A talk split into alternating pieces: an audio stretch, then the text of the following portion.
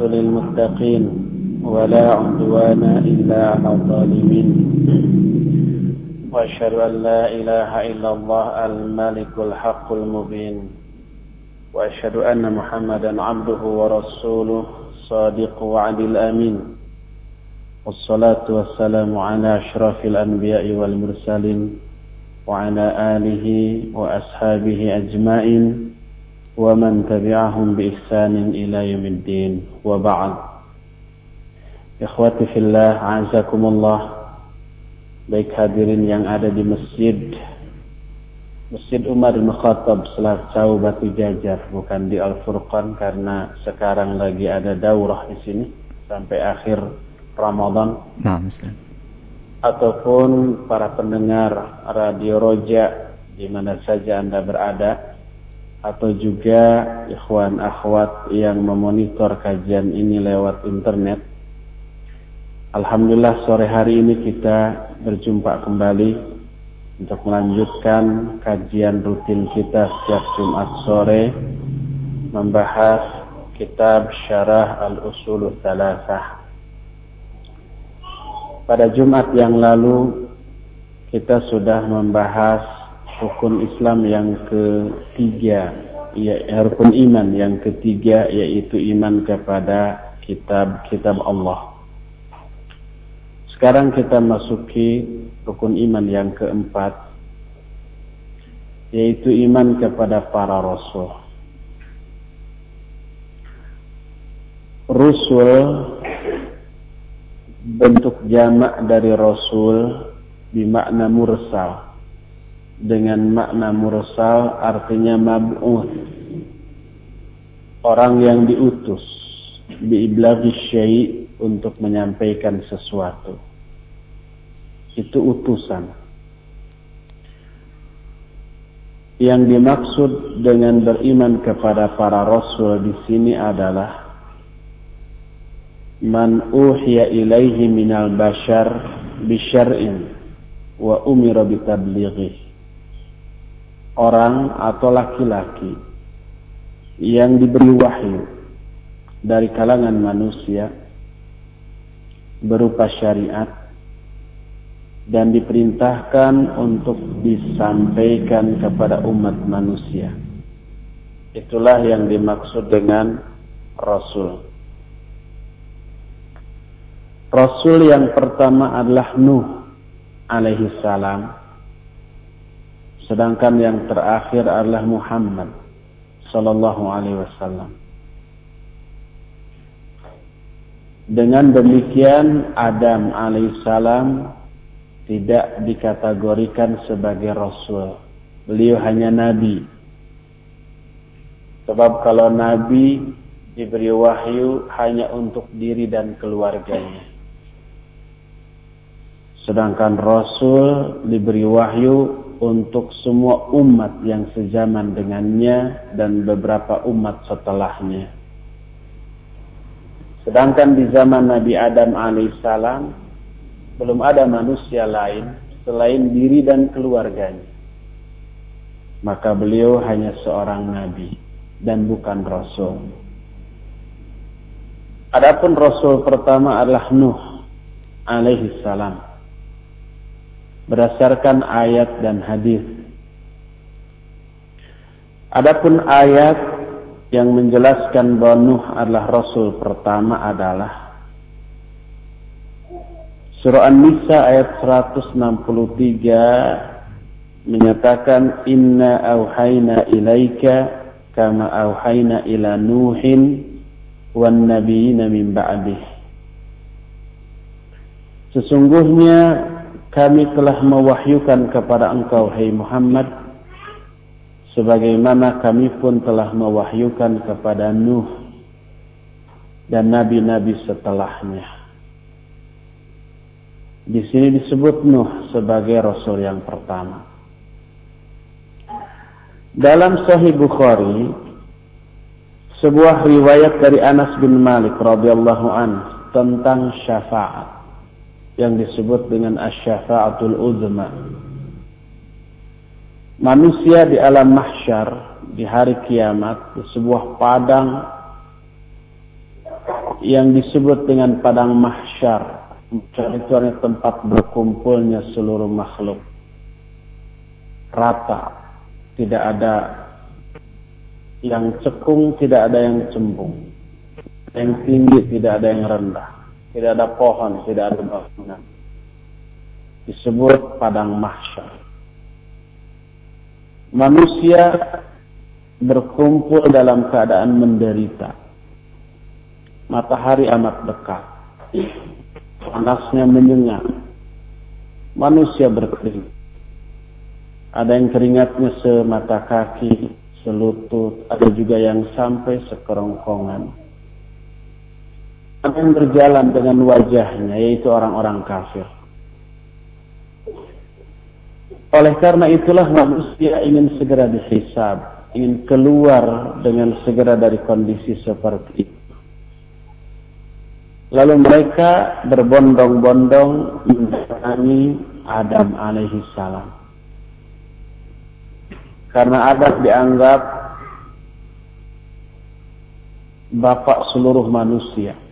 Sehingga di, di, diharapkan bisa memberi syafaat. Karena mereka agar segera keluar dari situasi seperti itu. Lalu apa kata Adam? Adam menyatakan i'tau Nuhan awwal rasulin ba'athahullahu. Kata Adam, datangi oleh kalian Nuh, dialah rasul pertama yang diutus oleh Allah kepada manusia. Kata Adam alaihissalam, dialah rasul pertama yang diutus oleh Allah kepada manusia. Hadis ini sahih diriwayatkan oleh Imam Bukhari dan Imam Muslim dan hadis ini menjadi dalil bahwa Rasul yang pertama adalah Nuh alaihi salam. Adapun yang menjadi dalil bahwa Muhammad sallallahu alaihi wasallam adalah rasul terakhir adalah surah Al-Ahzab ayat 40. Allah berfirman, "Ma kana Muhammadun aba ahadin min rijalikum, walakinna Rasulullah wa khataman nabiyyin." Bukanlah Muhammad itu bapa salah seorang di antara kamu. Akan tetapi beliau adalah Rasul dan Nabi yang terakhir. Rasulullah yang terakhir dan Nabi yang terakhir. Oleh karena itu tidak ada lagi nabi setelahnya. Didukung dengan sebuah hadis sahih diriwayatkan Ahmad dalam kitab Musnadnya. Beliau menyatakan, Risalata wan nubuwata qad inqata'at fala rasula ba'di walan nabiyya. Sesungguhnya tugas kerasulan dan tugas kenabian benar-benar telah terputus maka tidak lagi rasul setelahku dan tidak lagi nabi setelahku. Hadis ini menguatkan ayat tadi yang menyatakan bahwa nabi terakhir sekaligus rasul terakhir adalah Nabi Muhammad sallallahu alaihi wasallam. Dengan demikian bila ada orang yang mengaku-ngaku nabi setelah wafatnya beliau wajib kita dustakan. Wajib kita anggap bohong. Dialah Dajjal. La'natullahi alaih. Yang akan muncul sebanyak 30 orang sepeninggal Nabi Sallallahu Alaihi Wasallam. Beliau menyatakan, La taqumus sa'ah tidak akan terjadi hari kiamat sampai hatta yakuna dajjalun qaribun min thalathin sampai muncul dajjal-dajjal yang kira-kira 30 orang kulluhum yaz'umuna annahu annahum nabiyyun semuanya mengklaim mengaku bahwa mereka itu nabi. Jadi akan muncul nabi-nabi palsu. Di zaman Nabi SAW ada Musailamah al-Kadzab dan mati dibunuh di zaman Abu Bakar As-Siddiq. Di zaman Tabi'in ada Mukhtar, ada Al-Aswad, dan seterusnya. Semuanya mengaku Nabi. Di zaman Kiwari tahun 1800-an ada Mirza Ghulam Ahmad ngaku Nabi. Di zaman kita sekarang ada Ahmad Musaddiq ya ngaku Nabi. Dan banyak lagi orang-orang yang ngaku Nabi semuanya dajjal-dajjal. Dajjal-dajjal kecil. Walaupun kecil bahayanya besar. Karena bisa memurtadkan manusia dari ajaran Islam. Semua wajib kita dustakan. Karena Rasul terakhir, Nabi terakhir hanyalah Nabi Muhammad sallallahu alaihi wa alihi wasallam. Tidak ada satupun umat yang kosong dari seorang Rasul yang membawa syariat. Allah berfirman dalam An-Nahl 36, "Walaqad ba'atsna fi kulli ummatin rasulan an i'budullaha wajtanibut."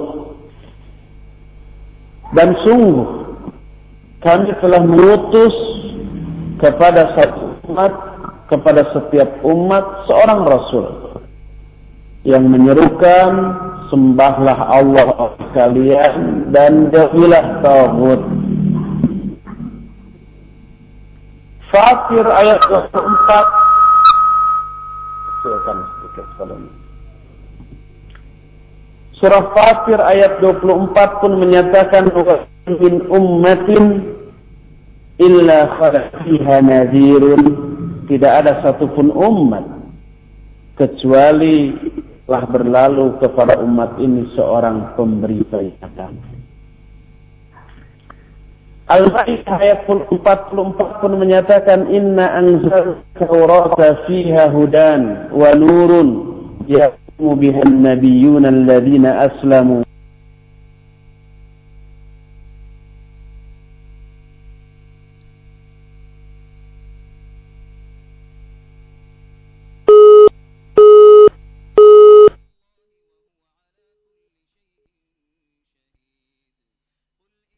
Ikhwatal Islam mohon maaf terputus koneksi kita dengan Ustadz dari pembahasan syarah hadis uh, afwan syarah al-usul salasa yang disiarkan secara langsung dari Masjid Umar Ibn Khattab di uh, Selacau uh, Cililin Bandung pada daurah syariah yang diselenggarakan di 10 hari di uh, bulan Ramadan ini. Kita akan mencoba kembali untuk menghubungi beliau pada sore hari ini dan kajian dari uh, syarah Al-Thuru Salasa ini uh, disampaikan oleh Ustaz Abu Haidar Sundawi dari uh, kitab yang disusun oleh uh, Syekh Muhammad Nasir uh, Afwan Syekh Muhammad bin Saleh Al-Utsaimin rahimahullahu taala. Kami akan hadir kembali setelah jeda yang berikut ini. أعوذ بالله من الشيطان الرجيم. الذين يقولون ربنا إننا آمنا فاغفر لنا ذنوبنا فاغفر لنا ذنوبنا وقنا عذاب النار.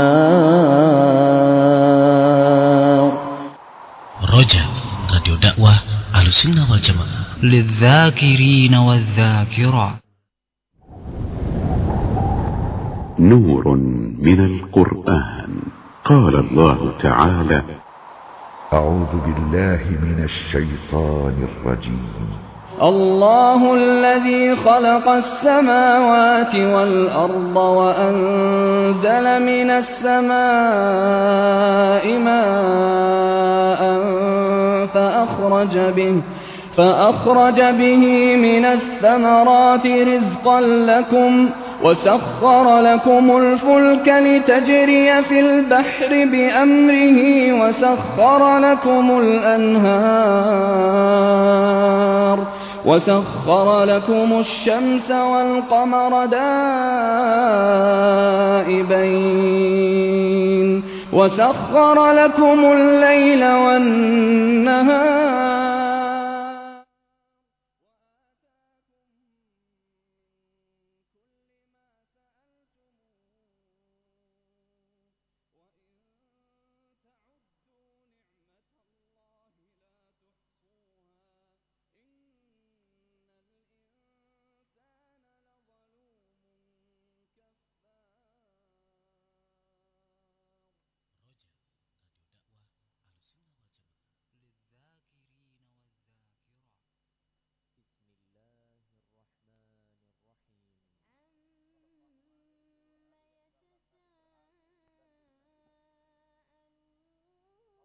Firman dalam Al-A'raf ayat 188, "Qul la amliku li nafsi naf'an wala dharra illa ma Allah. Walau kuntu a'lamul ghaiba lastakthartu minal khair wa ma massani su In ana illa nadhirun wa bashirun liqaumin yu'minun." Katakan oleh Muhammad, sesungguhnya aku tidak memiliki kemampuan untuk memberi manfaat atau mudarat sekalipun kepada diri sendiri kecuali apa-apa yang Allah kehendaki. Seandainya aku mengetahui yang gaib, pasti aku akan mampu meraih banyak kebaikan dan tidak akan dikenai keburukan.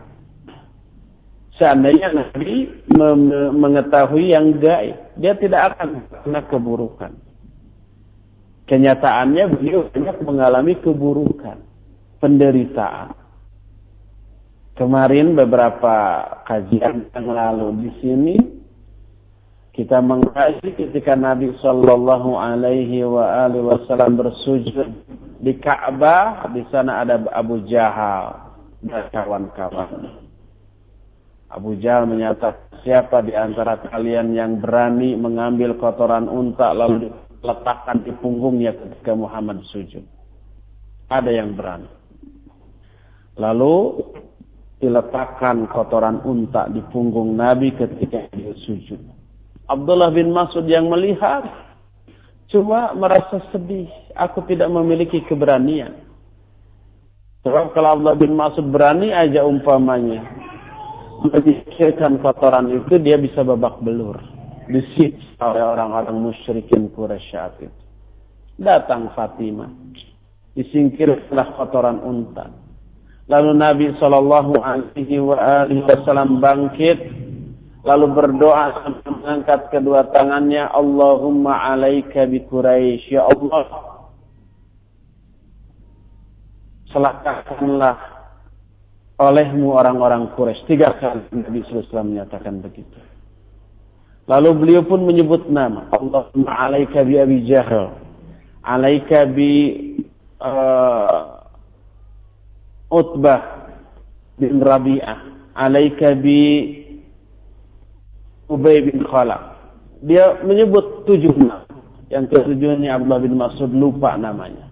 Kata beliau, kata Abdullah bin Mas'ud, Demi Allah yang jiwaku ada dalam genggaman tangannya, aku melihat tujuh orang yang disebut namanya oleh Nabi SAW itu semuanya mati di medan perang Badar dan semuanya dikuburkan di satu kuburan yang sama. Terkena doa Rasul alaihi salatu wassalam. Tapi itu Nabi terkena dulu dengan keburukan dan kejahatan orang Quraisy diludahi, dihina, ditaburi dengan kotoran unta dan banyak keburukan lain. Kata Nabi atas perintah Allah, "Lau kuntu a'lamul ghaiba lastaghfartu minal khair wa ma massani su." Seandainya aku banyak mengetahui hal yang gaib, aku akan banyak bisa meraih kebaikan dan tidak akan dikenai dengan keburukan sedikit pun. In ana illa nadhirun wa bashir. Aku ini tiada lain kecuali seorang peringatan dan pemberi berita gembira bagi orang-orang, bagi kaum yang beriman. Itu Nabi. Disuruh oleh Allah menyatakan tidak bisa memberi manfaat ataupun madarat walaupun untuk diri sendiri dan disuruh oleh Allah untuk mengatakan tidak mengetahui hal yang gaib kecuali apa yang Allah beritakan kepada beliau. Dalam surah Jin ayat 21 dan 22 Allah berfirman, "Qul inni la amliku lakum dharra wa la rasyada." Qul inni la yujirani min Allahi ahad wa lan ajida min dunihi multahada. Katakan olehmu Muhammad, Sesungguhnya aku tidak memiliki kemampuan untuk memberi madarat atau manfaat kepada kalian. Katakan olehmu Muhammad, sesungguhnya tidak ada yang bisa melindungi aku dari Allah seorang pun. Jadi kalau Allah mau memberikan madarat, keburukan, penderitaan, bahkan azab sekalipun, gak ada seorang pun yang mampu memberikan pertolongan kepada Nabi Shallallahu Alaihi Wasallam seorang. Andai Nabi mau khianat, lalu beliau membuat-buat mengarang-arang wahyu atas nama Allah pada karangannya sendiri, buatannya sendiri, oleh Allah akan diputus urat lehernya. Dan tidak ada seorang pun yang mampu menolong. Kata Allah, "Walau taqawwala la akhadna minhu bil yamin, thumma minhu. Fama minkum min ahadin anhu hajizin." Ini surah Al-Haqqah. Surah ke-69 ayat 44 sampai 48. Seandainya Muhammad mengada-ada sebagian perkataan atas nama kami, atas nama Allah la bil yamin kami akan pegang dengan tangan kanan kami. Summa laqata'na minhu watin kemudian kami putus urat lehernya. Seketika itu juga. Fama minkum min ahadin anhu hajizin. Tak ada seorang pun di antara kalian yang mampu menolong dia dari pemutusan urat leher itu. Tak ada yang bisa melindungi seorang pun. Dari Allah Subhanahu wa taala. Ini seandainya Rasulullah SAW khianat, langsung dihukum. Oleh karena itu, maka Nabi Muhammad apalagi nabi-nabi yang lainnya tidak memiliki kemampuan rububiyah. Tidak memiliki kemampuan mematikan, menghidupkan, memberi madarat, memberi maslahat kepada siapa pun bahkan kepada dirinya sendiri. Mereka adalah manusia biasa seperti kita. Mereka suka mengalami sakit. Mereka mengalami mati. Mereka membutuhkan makanan, minuman, dan seterusnya. Allah berfirman tentang Nabi Ibrahim alaihissalam yang Allah ungkapkan dalam surah Asy-Syu'ara ayat 79 sampai 81.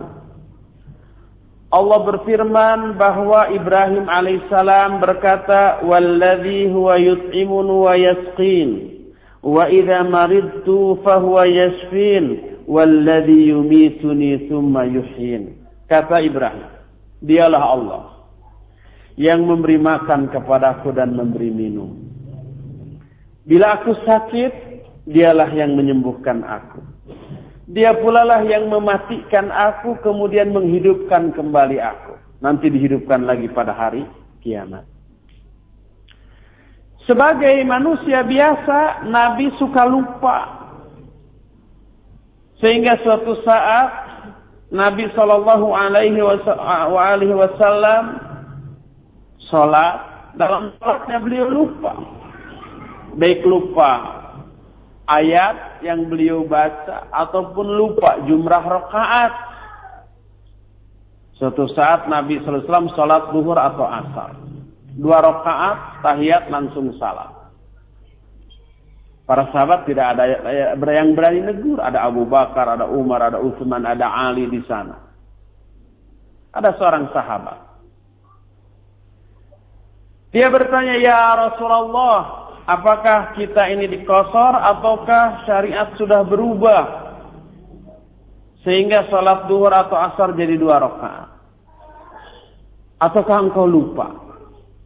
Kata Nabi SAW tidak dikosor, tidak berubah dan aku tidak lupa. Jadi Nabi pede bahwa sholatnya tadi empat rakaat. Padahal dua rakaat.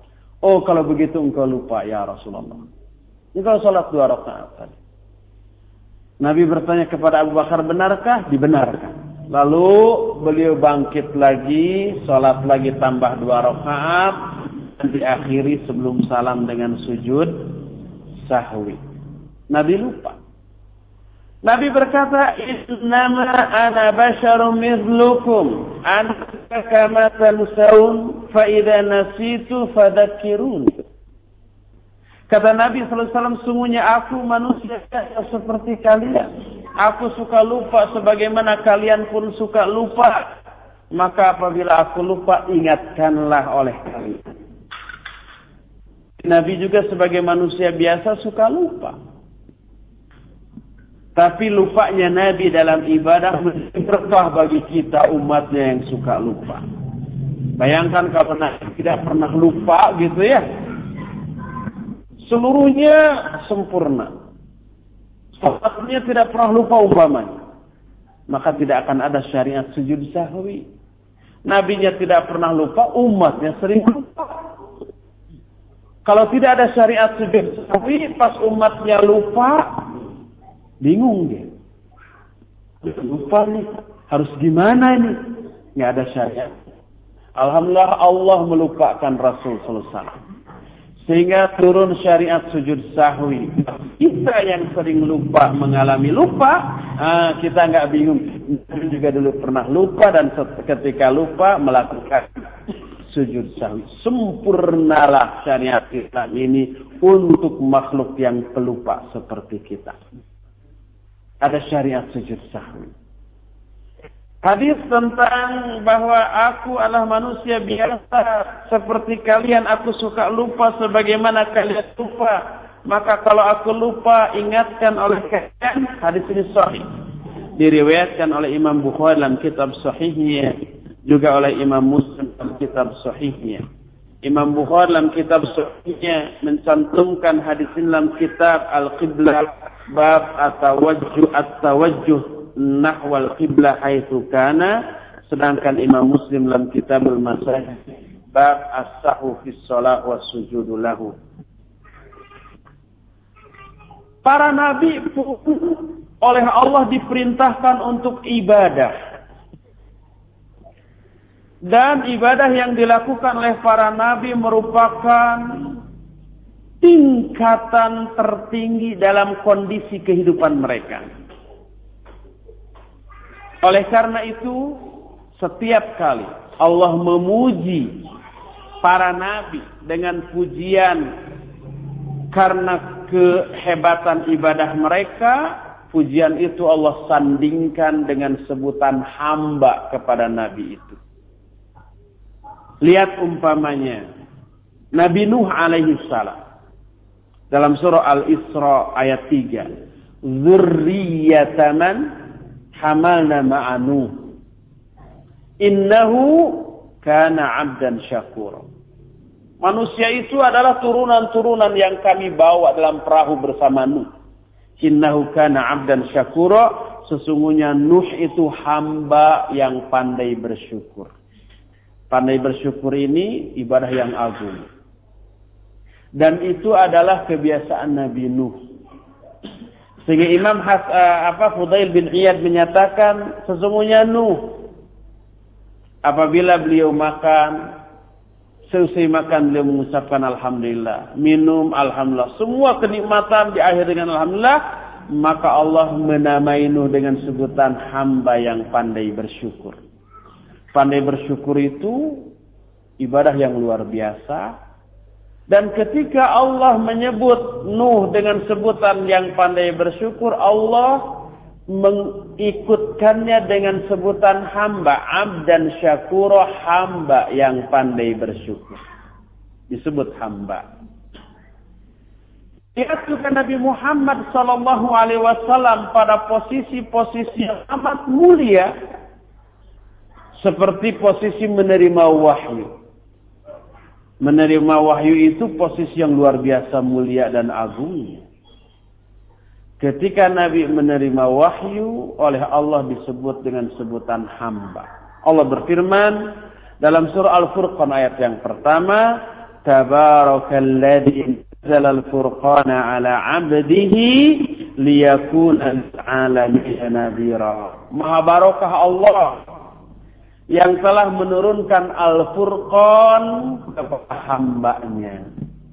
Al-Furqan dalam ayat ini bukan nama masjid di Jalan Jurang Bandung tempat kita ngaji, bukan. Al-Furqan di sini adalah Al-Quran, wahyu.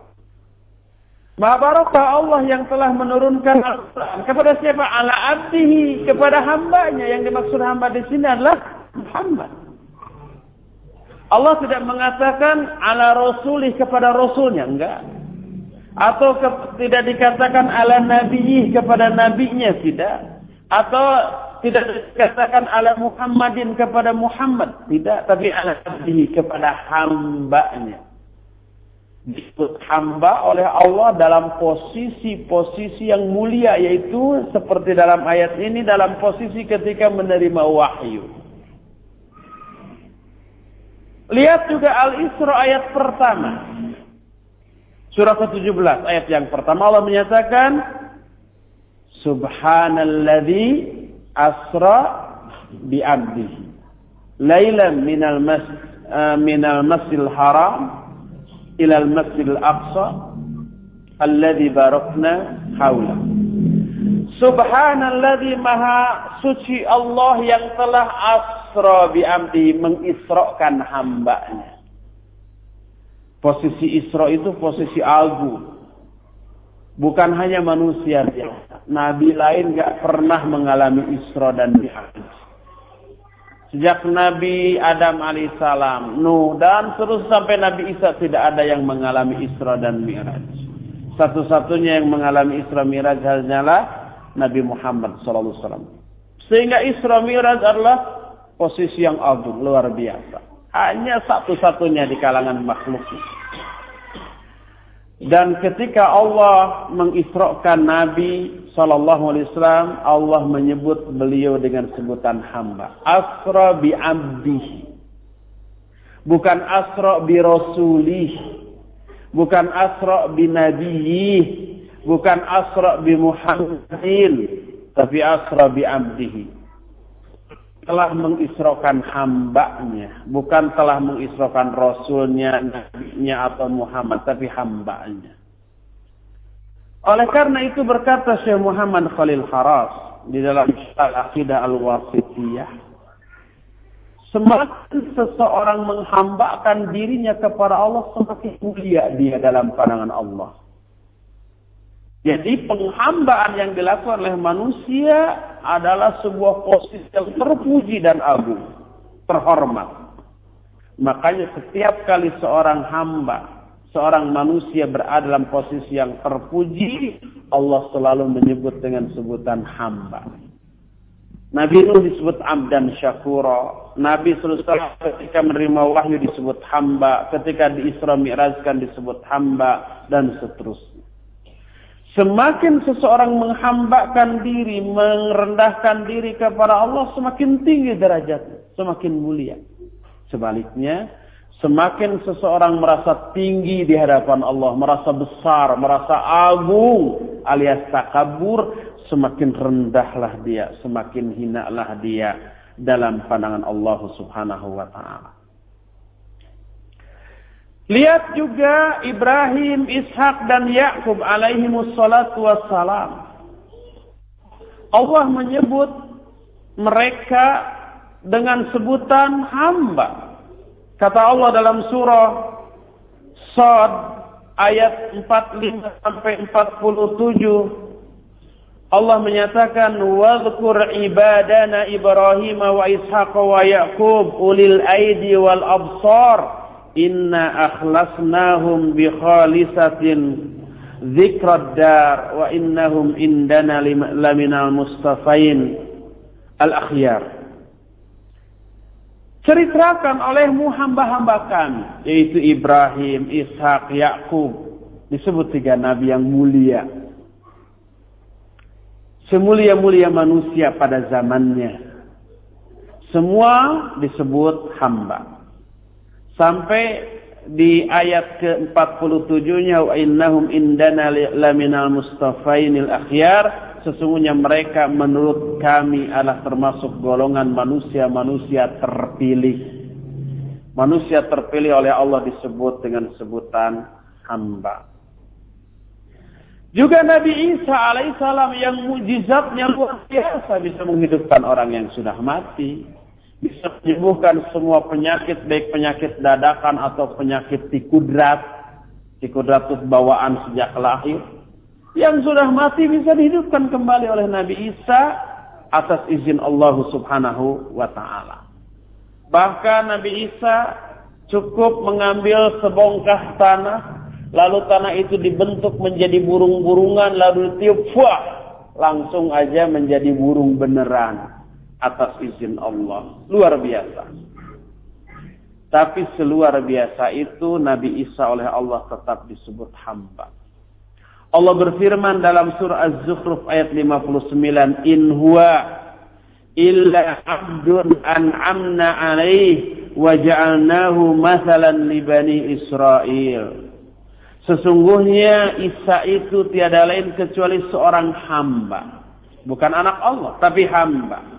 Yang kami berikan kenikmatan kepadanya. Dan kami jadikan dia sebagai ikutan bagi Bani Israel. Jadi, para nabi adalah manusia biasa.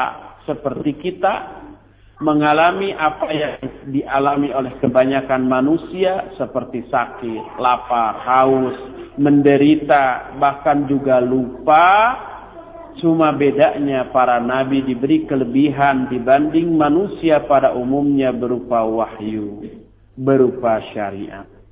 Itulah penjelasan tentang para nabi dan para rasul.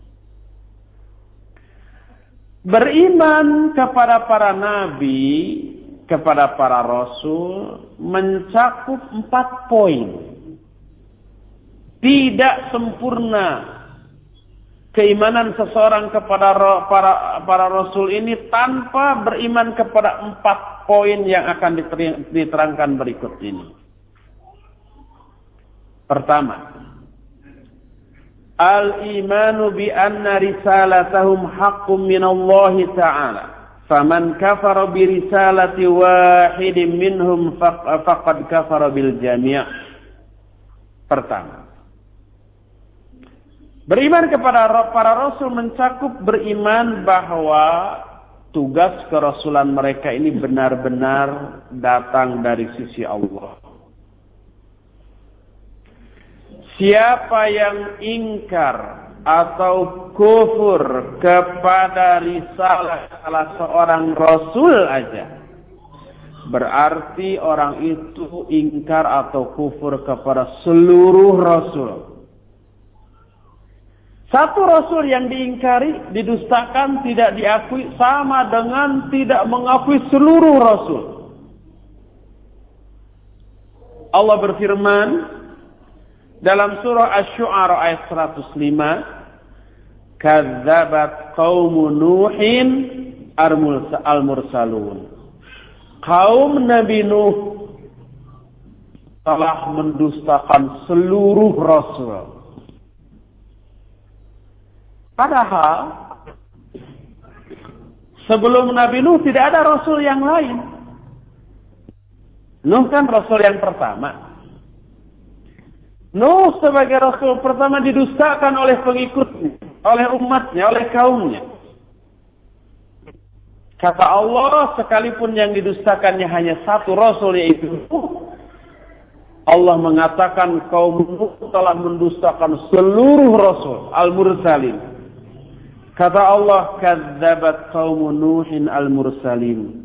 Kaum Nabi Nuh telah mendustakan seluruh rasul. Kalau rasul-rasulnya belum ada, rasul-rasul lain belum ada. Satu-satu rasul yang ada saat itu adalah Nuh. Jadi belum ada.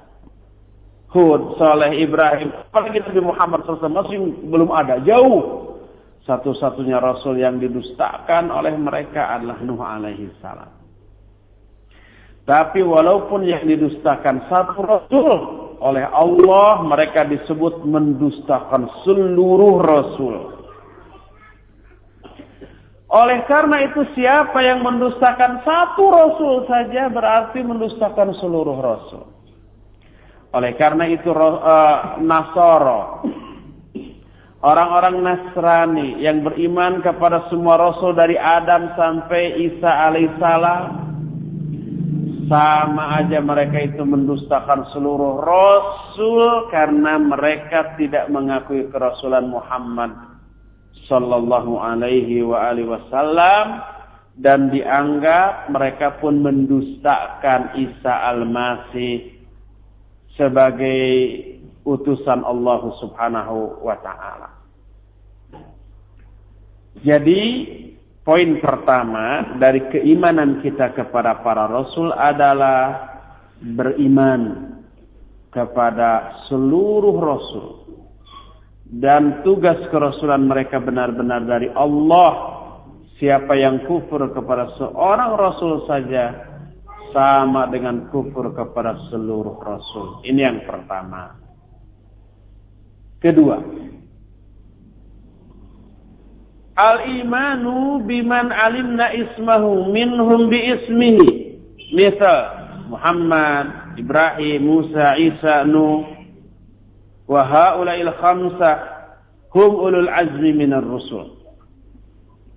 Kedua, beriman kepada nama-nama Rasul. Waalaikumsalam. Yang disebut dalam Al-Quran atau dalam hadis yang sahih seperti Muhammad, seperti Ibrahim, seperti Musa, Isa, Nuh, dan seterusnya.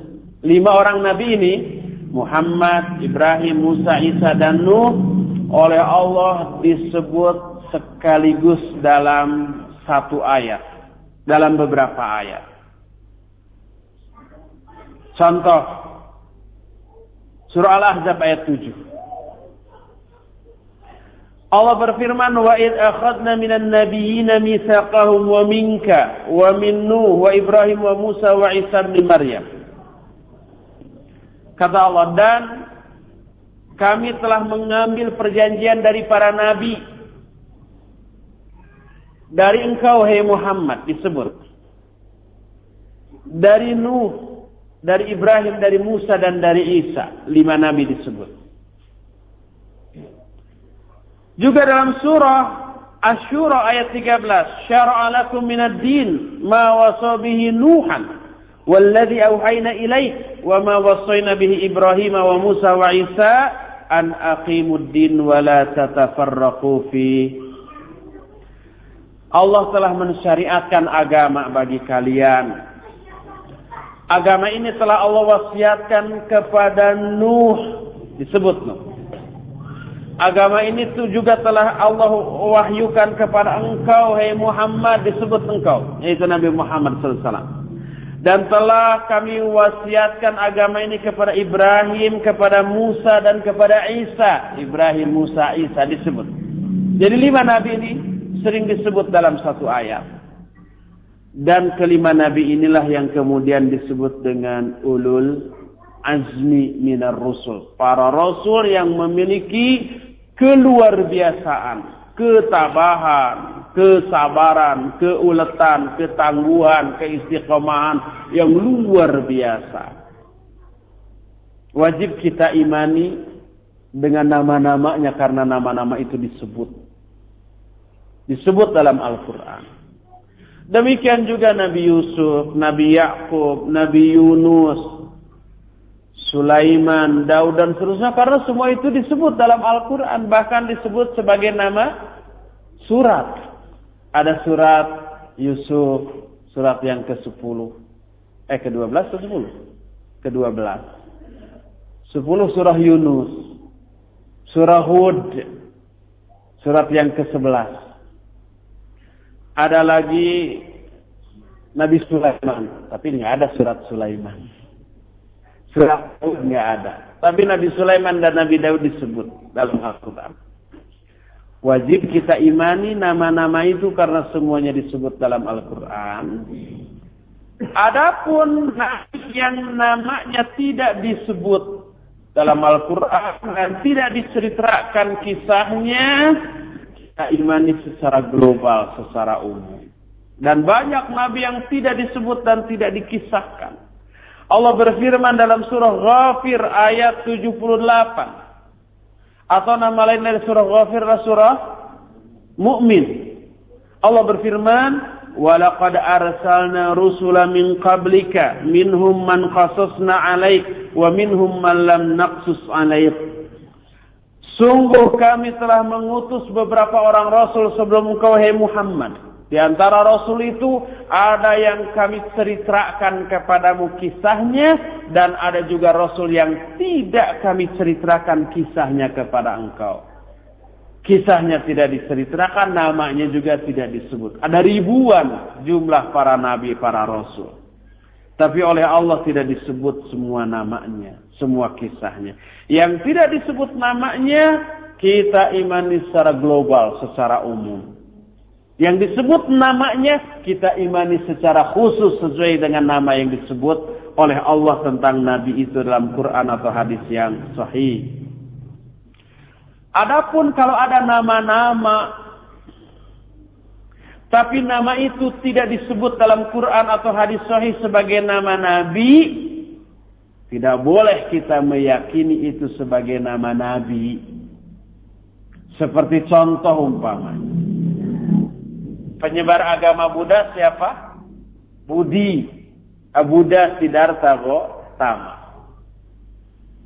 Nama Buddha ini, nama Siddhartha Gautama ini tidak disebut dalam Al-Quran ataupun hadis. Sekalipun munculnya agama ini jauh sebelum datangnya Islam.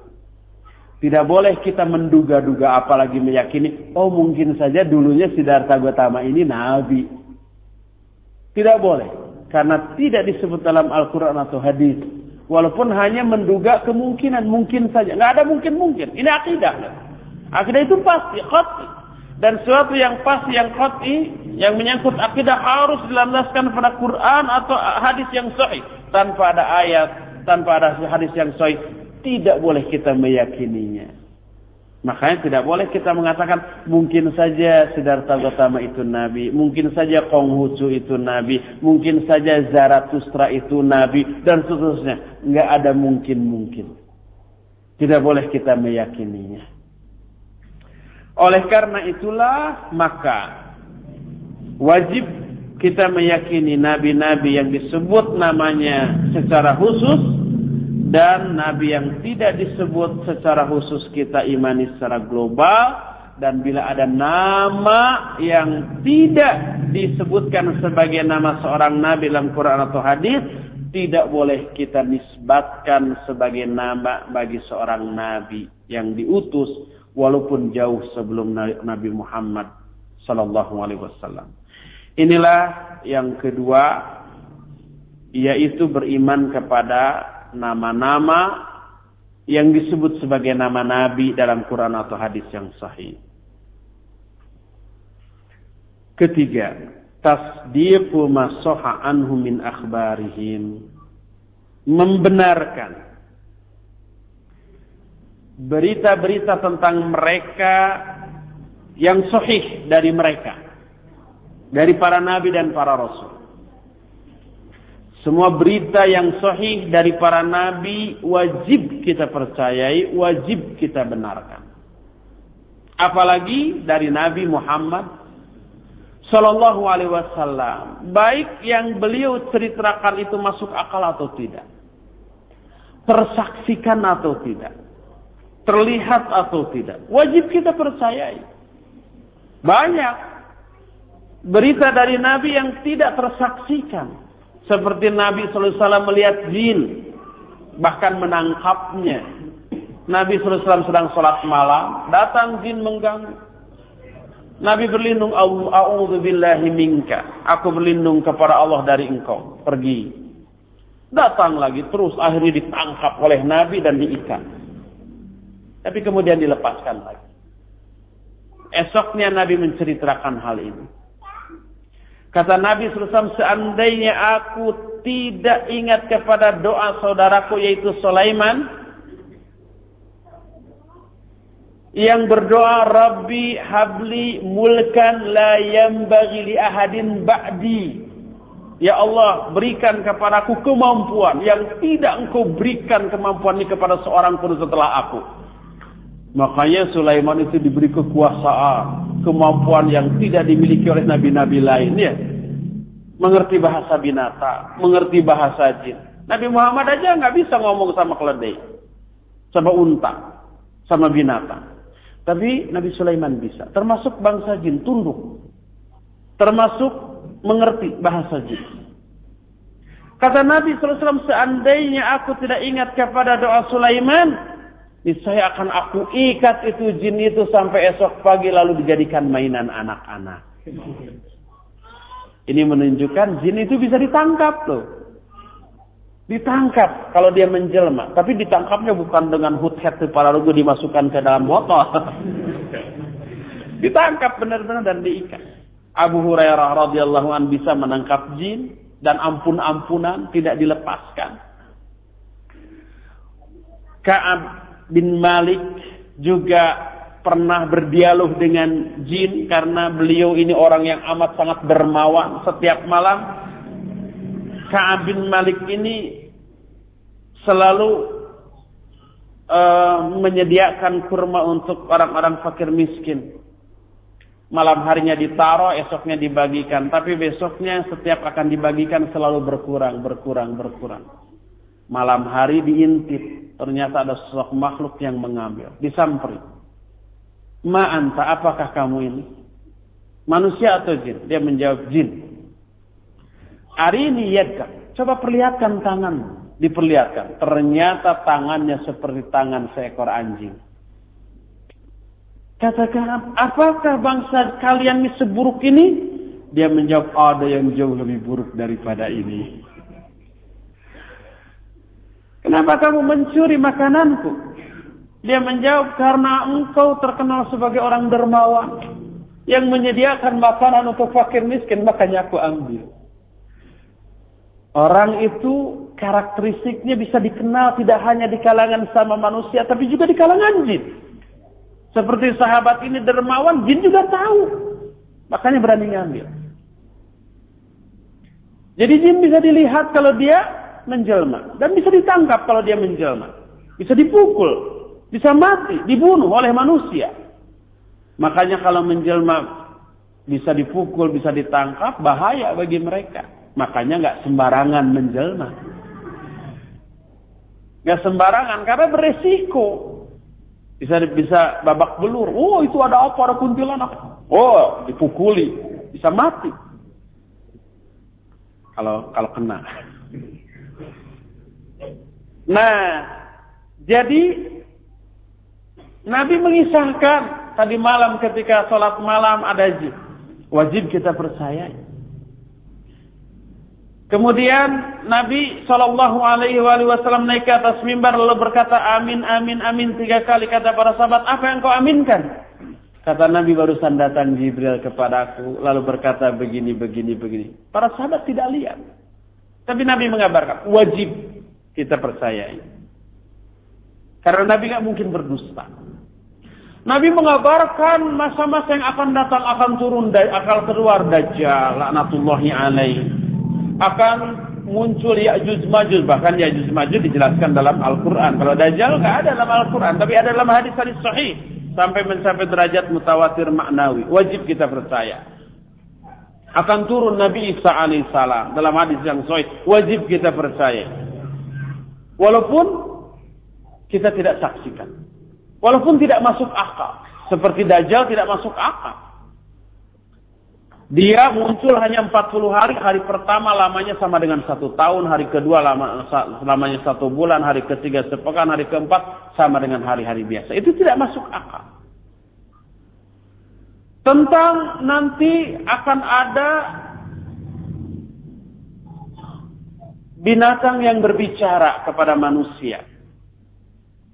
Itu dijelaskan dalam hadis yang saya wajib kita percaya. Walaupun tidak masuk akal. Walhasil selama hal itu diceritakan oleh Nabi Sallallahu Alaihi Wasallam dalam hadis yang sahih wajib wajib wajib kita percayai walaupun tidak masuk akal pikiran kita dan tidak tersaksikan oleh indera kita. Inilah poin yang ketiga dari iman kepada Nabi. Keempat, Al-amalu bi syariati man ursila ilaina minhum wa huwa khatimuhum Muhammad sallallahu alaihi wasallam al-mursalu ila jami'in nas. Keempat, termasuk iman kepada para rasul adalah beramal dengan syariat yang dibawa oleh rasul. Bagi kita rasul kita Muhammad sallallahu alaihi wasallam wajib kita berpegang dan mengamalkan syariat yang dibawa oleh Rasul sallallahu alaihi wasallam. Lalu hati ini sadrah ridha pasrah rela. Tidak ada keberatan sedikit pun terhadap ketetapan syariat itu Allah berfirman dalam surah An-Nisa 65 fala wa rabbika la yu'minuna hatta yuhaqqimuka fima shajara bainahum ثم لا يجد في أنفسهم حرجا مما قضيت ويسلموا تسليما demi Allah tidaklah mereka beriman sebelum mereka menjadikan engkau hai Muhammad sebagai hakim dalam perkara-perkara yang diperselisihkan di antara mereka kemudian mereka tidak merasakan keberatan dalam hati-hati mereka tentang apa yang kau tetapkan dan mereka pasrah pasrah pasrahnya terhadap ketetapanmu. Inilah empat poin yang terkandung dalam iman kepada para rasul dan wajib kita mengimani para rasul dengan mencakup keempat poin yang dijelaskan tadi. Ikhwati fillah, azakumullah baik yang ada di Masjid Umar bin Khattab ataupun yang mendengarkan Radio Roja di mana saja ataupun yang mengikuti lewat internet. Sampai di sini kajian kita sore ini dan kita masih punya sisa waktu untuk bertanya jawab. Dan untuk pengaturan tanya jawab dipersilakan untuk ikhwan yang ada di sini menulis atau akhwat untuk Radio Roja silakan telepon atau lewat SMS. Silakan Kawas. Nah. Demikian ikhwatal Islam sesi materi dan selanjutnya kami berikan kesempatan untuk Anda yang akan bertanya secara langsung di nomor yang eh, kami pakai sore hari ini di 8233661. Sekali lagi untuk Anda yang akan bertanya di nomor telepon 0218233661 atau dengan melalui pesan singkat di 0217073653. Kami angkat untuk yang pertama bagi Anda dipersilakan di 0218233661 untuk kesempatan sore hari ini. Assalamualaikum. Waalaikumsalam. Iya, silakan dengan siapa, Pak? Dengan Bapak Kadri di Cikarang. Di Cikarang, Pak. Silakan uh, ke inti pertanyaannya, Pak. Uh, Assalamualaikum Ustaz. Waalaikumsalam. Waalaikumsalam, silakan. Uh, pertanyaannya adalah ketika kita di eh, ada kena ujian, mungkin ujian ini mungkin kesalahan dari kita, eh, seperti seorang pembantu yang mungkin melakukan kesalahan dan apa kita itu berencana mau istilahnya kesalahannya itu karena seperti memakai telepon yang berlebihan akhirnya terlalu besar untuk pembayaran ke Telkomsel gitu. Iya. Pertanyaannya adalah apakah kita bisa memotong gaji pembantu tersebut uh, supaya sedikit mengurangi pembayaran itu karena pembayaran beban itu terlalu besar gitu. Kita jawab. Nah. Assalamualaikum warahmatullahi wabarakatuh. Nah, Waalaikumsalam warahmatullahi wabarakatuh. Pertanyaannya tidak sesuai dengan tema, Ustaz. Bagaimana uh, apa akan disampaikan? Kalau dulu ya, sesuaikan dengan tema. Nah, mohon maaf untuk Anda yang bertanya, dimohon kiranya untuk sesuai dengan tema kita di sore hari ini. Tapi Ustaz, ada pertanyaan dari pesan singkat Ustaz. Ya, silakan. Nah, ada uh, pertanyaan dari uh, pendengar kita. Ustaz, bagaimanakah kaitannya dengan derajat kewalian dikaitkan dengan uh, kenabian yang sudah tadi dijelaskan? Uh, apakah uh, derajat kewalian ini merupakan sesuatu yang Allah Subhanahu wa taala berikan kepada uh, makhluknya bagaimana Ustaz kaitannya dengan uh, uh, derajat kewalian ini dikaitkan dengan apa yang tadi disampaikan tentang kenabian demikian ada yang bertanya tadi tentang masalah kerasulan. Bagaimana tentang kewalian? Wali, wali Allah itu artinya orang-orang yang di, dikasihi atau dicintai oleh Allah Subhanahu wa taala. Dan ulama-ulama ahlus sunnah sepakat mengakui adanya kewalian ini. Karena dijelaskan dalam Al-Qur'anul Karim dalam hadis-hadis yang sahih dan ucapan-ucapan para sahabat dan para ulama sampai Syekhul Islam Ibn Taimiyah menyusun sebuah kitab yang berjudul Al-Furqan Baina Awliya'ir Rahman wa Awliya'ir Syaitan. Perbedaan antara wali Allah dan wali syaitan. Wali Allah itu adalah orang-orang yang beriman dan bertakwa. Allah berfirman, Inna awliya Allah la khawfun alaihim wa lahum yahzanun, alladzina amanu wa hum yattaqun. Wali-wali Allah itu tidak ada ketakutan atas mereka dan tidak berduka cita. Yaitu mereka yang beriman dan yang bertakwa. Semua yang beriman dan yang bertakwa adalah wali Allah yang kadar kewaliannya bergantung pada kadar keimanan dan ketakwaannya. Makin iman dan makin takwa, makin tinggi kadar kewaliannya. Makin rendah kadar keimanan dan ketakwaan, makin rendah juga kadar kewaliannya. Allah dalam hadis kursi diriwayatkan Imam Al-Bukhari dalam kitab sahihnya menyatakan man ada waliyan li man ada waliyan li adantuhu bil harbi. Siapa orang yang menyakiti waliku, kekasihku, maka aku kumandangkan genderang perang kepada orang itu. Lalu dalam hadis kursi tersebut dalam kalimat berikutnya Allah menyatakan wala yazalu ta'ifatun uh, la yazalu 'abdi yataqarrabu ilayya bin nawafil hatta uhibbahu. Tidak henti-hentinya hambaku yang disebut wali tadi mendekatkan dirinya kepadaku dengan amalan-amalan yang sunnah di samping yang wajib sampai aku mencintainya. Faida ahbabtuhu kuntu sam'ahu alladhi yasma'u bih. Kalau aku sudah mencintainya, aku akan menjadi pendengarannya yang dengannya lah dia akan mendengar. Wa wa basarahu alladhi yubsiru bih. Aku pun akan menjadi kedua matanya yang dengannya lah dia akan melihat dan seterusnya. Jadi hadis ini pun yang sahih tersebut diriwayatkan Imam Al-Bukhari kitab sahihnya menjelaskan tentang adanya wali Allah dari kalangan orang-orang yang dicintainya. Jadi wali Allah ada. Karena dijelaskan dalam Al-Quran dan hadis yang sahih. Dan wali Allah adalah orang-orang beriman dan bertakwa. Setiap yang beriman dan bertakwa dialah wali Allah. Timbul pertanyaan berikutnya.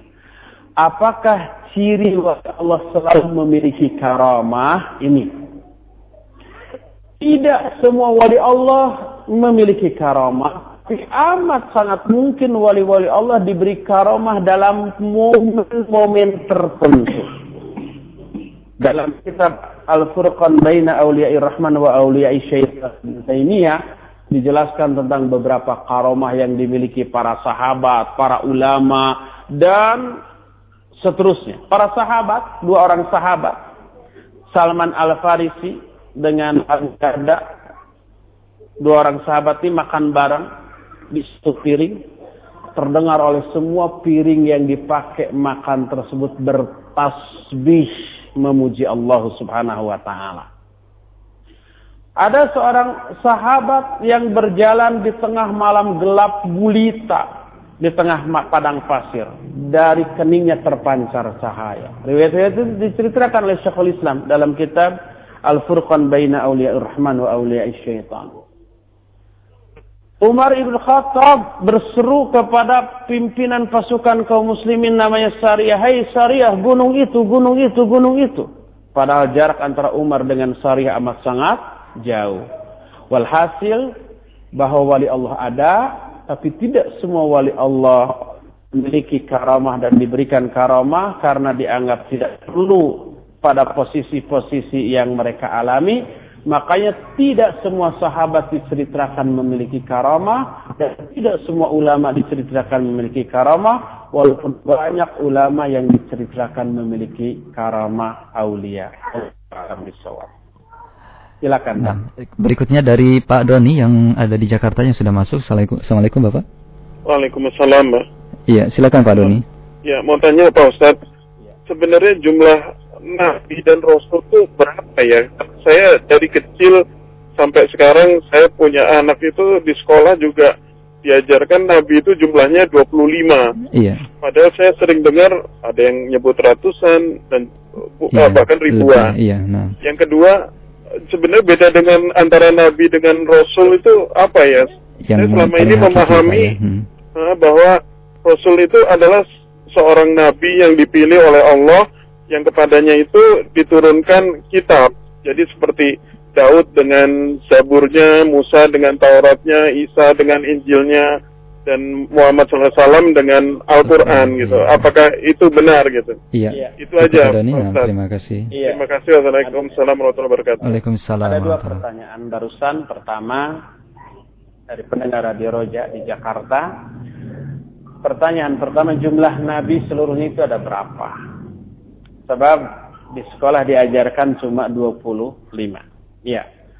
Yang diajarkan di sekolah dikatakan jumlah nabi yang wajib diketahui, yang wajib. Adapun yang tidak wajib diketahui banyak sampai mencapai ribuan orang. Nah, oleh karena itu yang 25 itu dikatakan yang wajib diketahui. Sebenarnya bukan yang wajib diketahui. Akan tetapi yang nama-namanya disebut di dalam Al-Quran atau hadis yang sahih.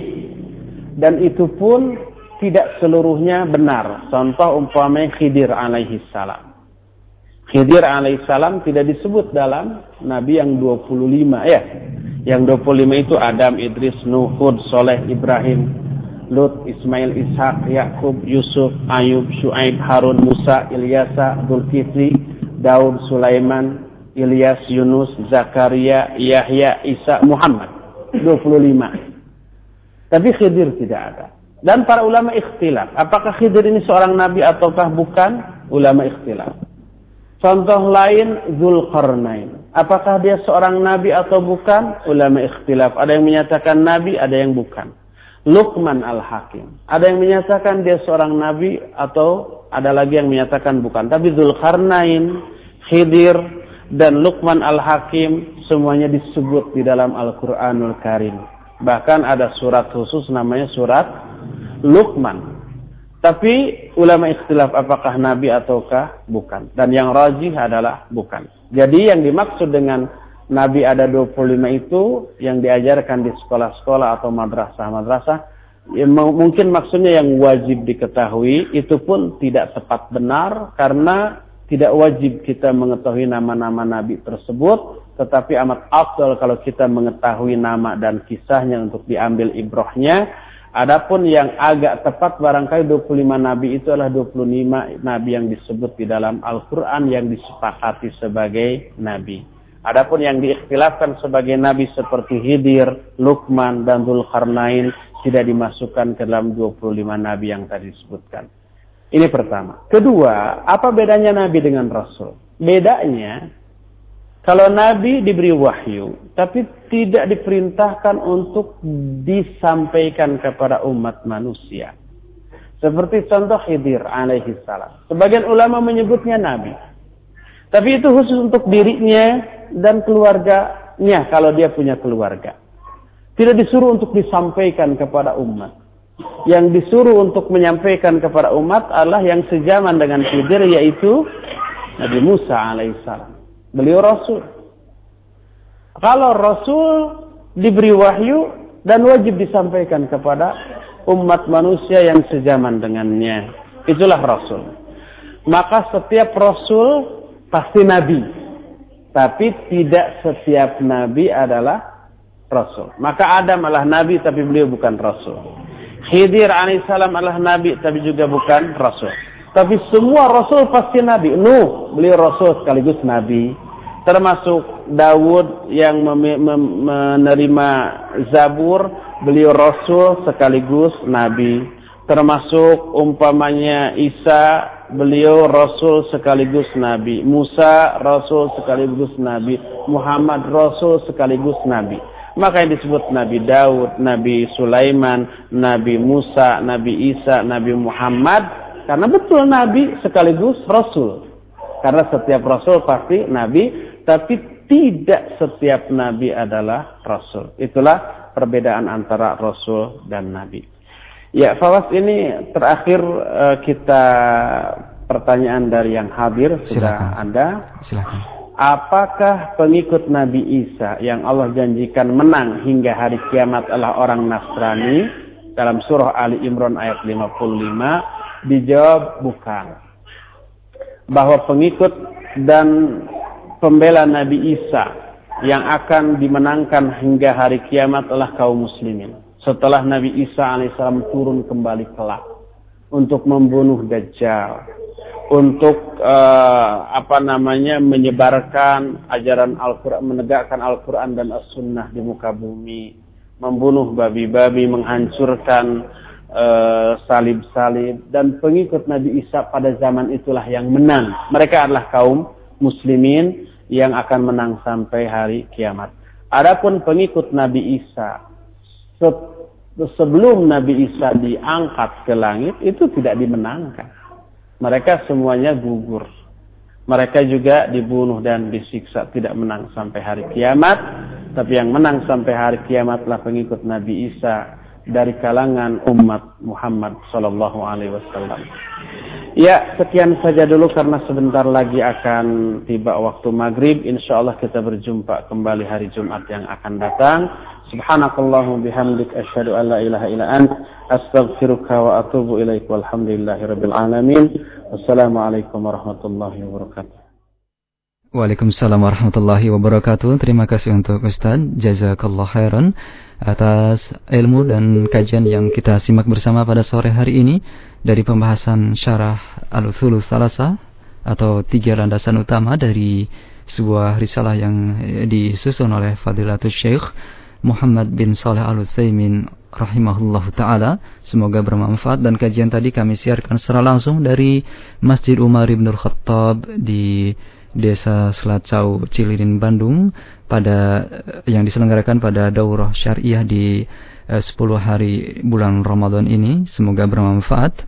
Kemudian ikhwatal Islam, kajian ini bisa Anda ikuti kembali di Eh, frekuensi dan gelombang yang sama pada hari Jumat sore di pekan mendatang insyaallah taala.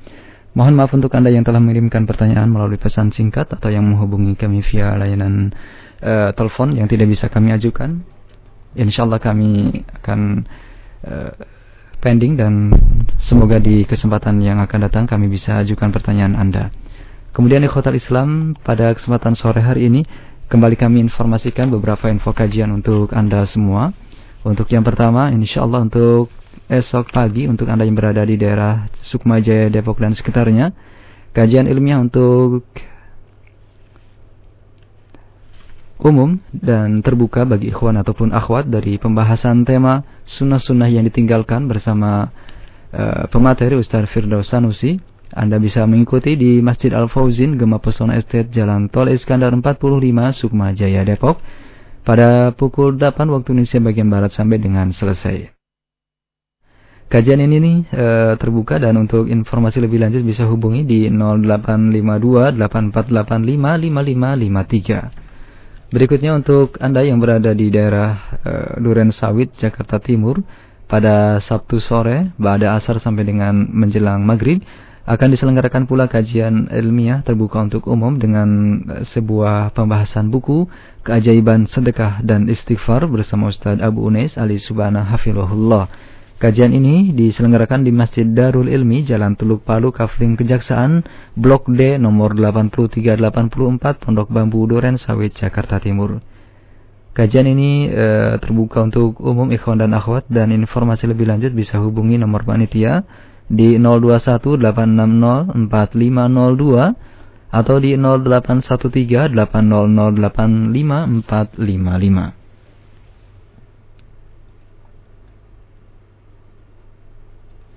Kemudian ikhwatal Islam untuk Anda yang berada di daerah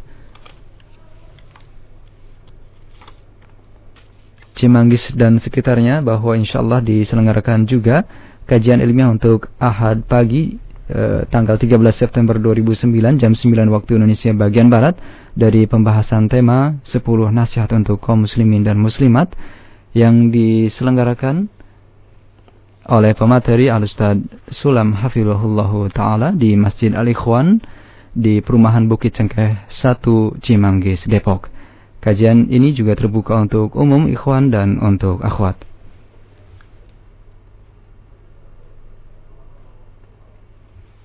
Kemudian untuk Anda yang berada di daerah eh, Cikarang Barat dan sekitarnya pada kesempatan Ahad sore 13 September 2009 juga diselenggarakan kajian ilmiah dengan pembahasan tema bila Ramadan telah berlalu yang disampaikan oleh Ustadz Ali Saman LC Hafirullah diselenggarakan insya Allah di Masjid Baitul Makmur Perumahan Telaga Sakinah Cikarang Barat pada Sabtu uh, Afwan Ahad sore pada asar sampai dengan menjelang maghrib dan dilanjutkan dengan buka puasa bersama dan untuk informasi lebih lanjut bisa menghubungi panitia di Masjid Baitul Makmur Perumahan Talaga Sakinah Cikarang Barat Bekasi di nomor telepon 0218477209 atau di 081386084044. Demikian Khotal Islam info kajian dan uh, beberapa info yang bisa kami sampaikan atas perhatiannya kami ucapkan. Terima kasih. Dan saat ini pukul 17 lebih 49 menit waktu Indonesia bagian barat beberapa menit ke depan kita akan kumandangkan azan untuk sholat maghrib dan waktu bagi anda untuk berbuka puasa pada kesempatan hari ini. Semoga Allah subhanahu wa ta'ala menerima amal ibadah puasa dan amal-amal ibadah anda yang lainnya di bulan Ramadan yang penuh berkah ini Atas segala perhatian dan kebersamaannya kami ucapkan terima kasih. Mohon maaf atas segala kekurangannya juga. Kita tutup dan uh, dengan doa kafaratul majlis subhanakallahumma wa bihamdika asyhadu an la ilaha illa anta astaghfiruka wa. Wassalamualaikum warahmatullahi wabarakatuh. من الشيطان الرجيم. لقد كان لكم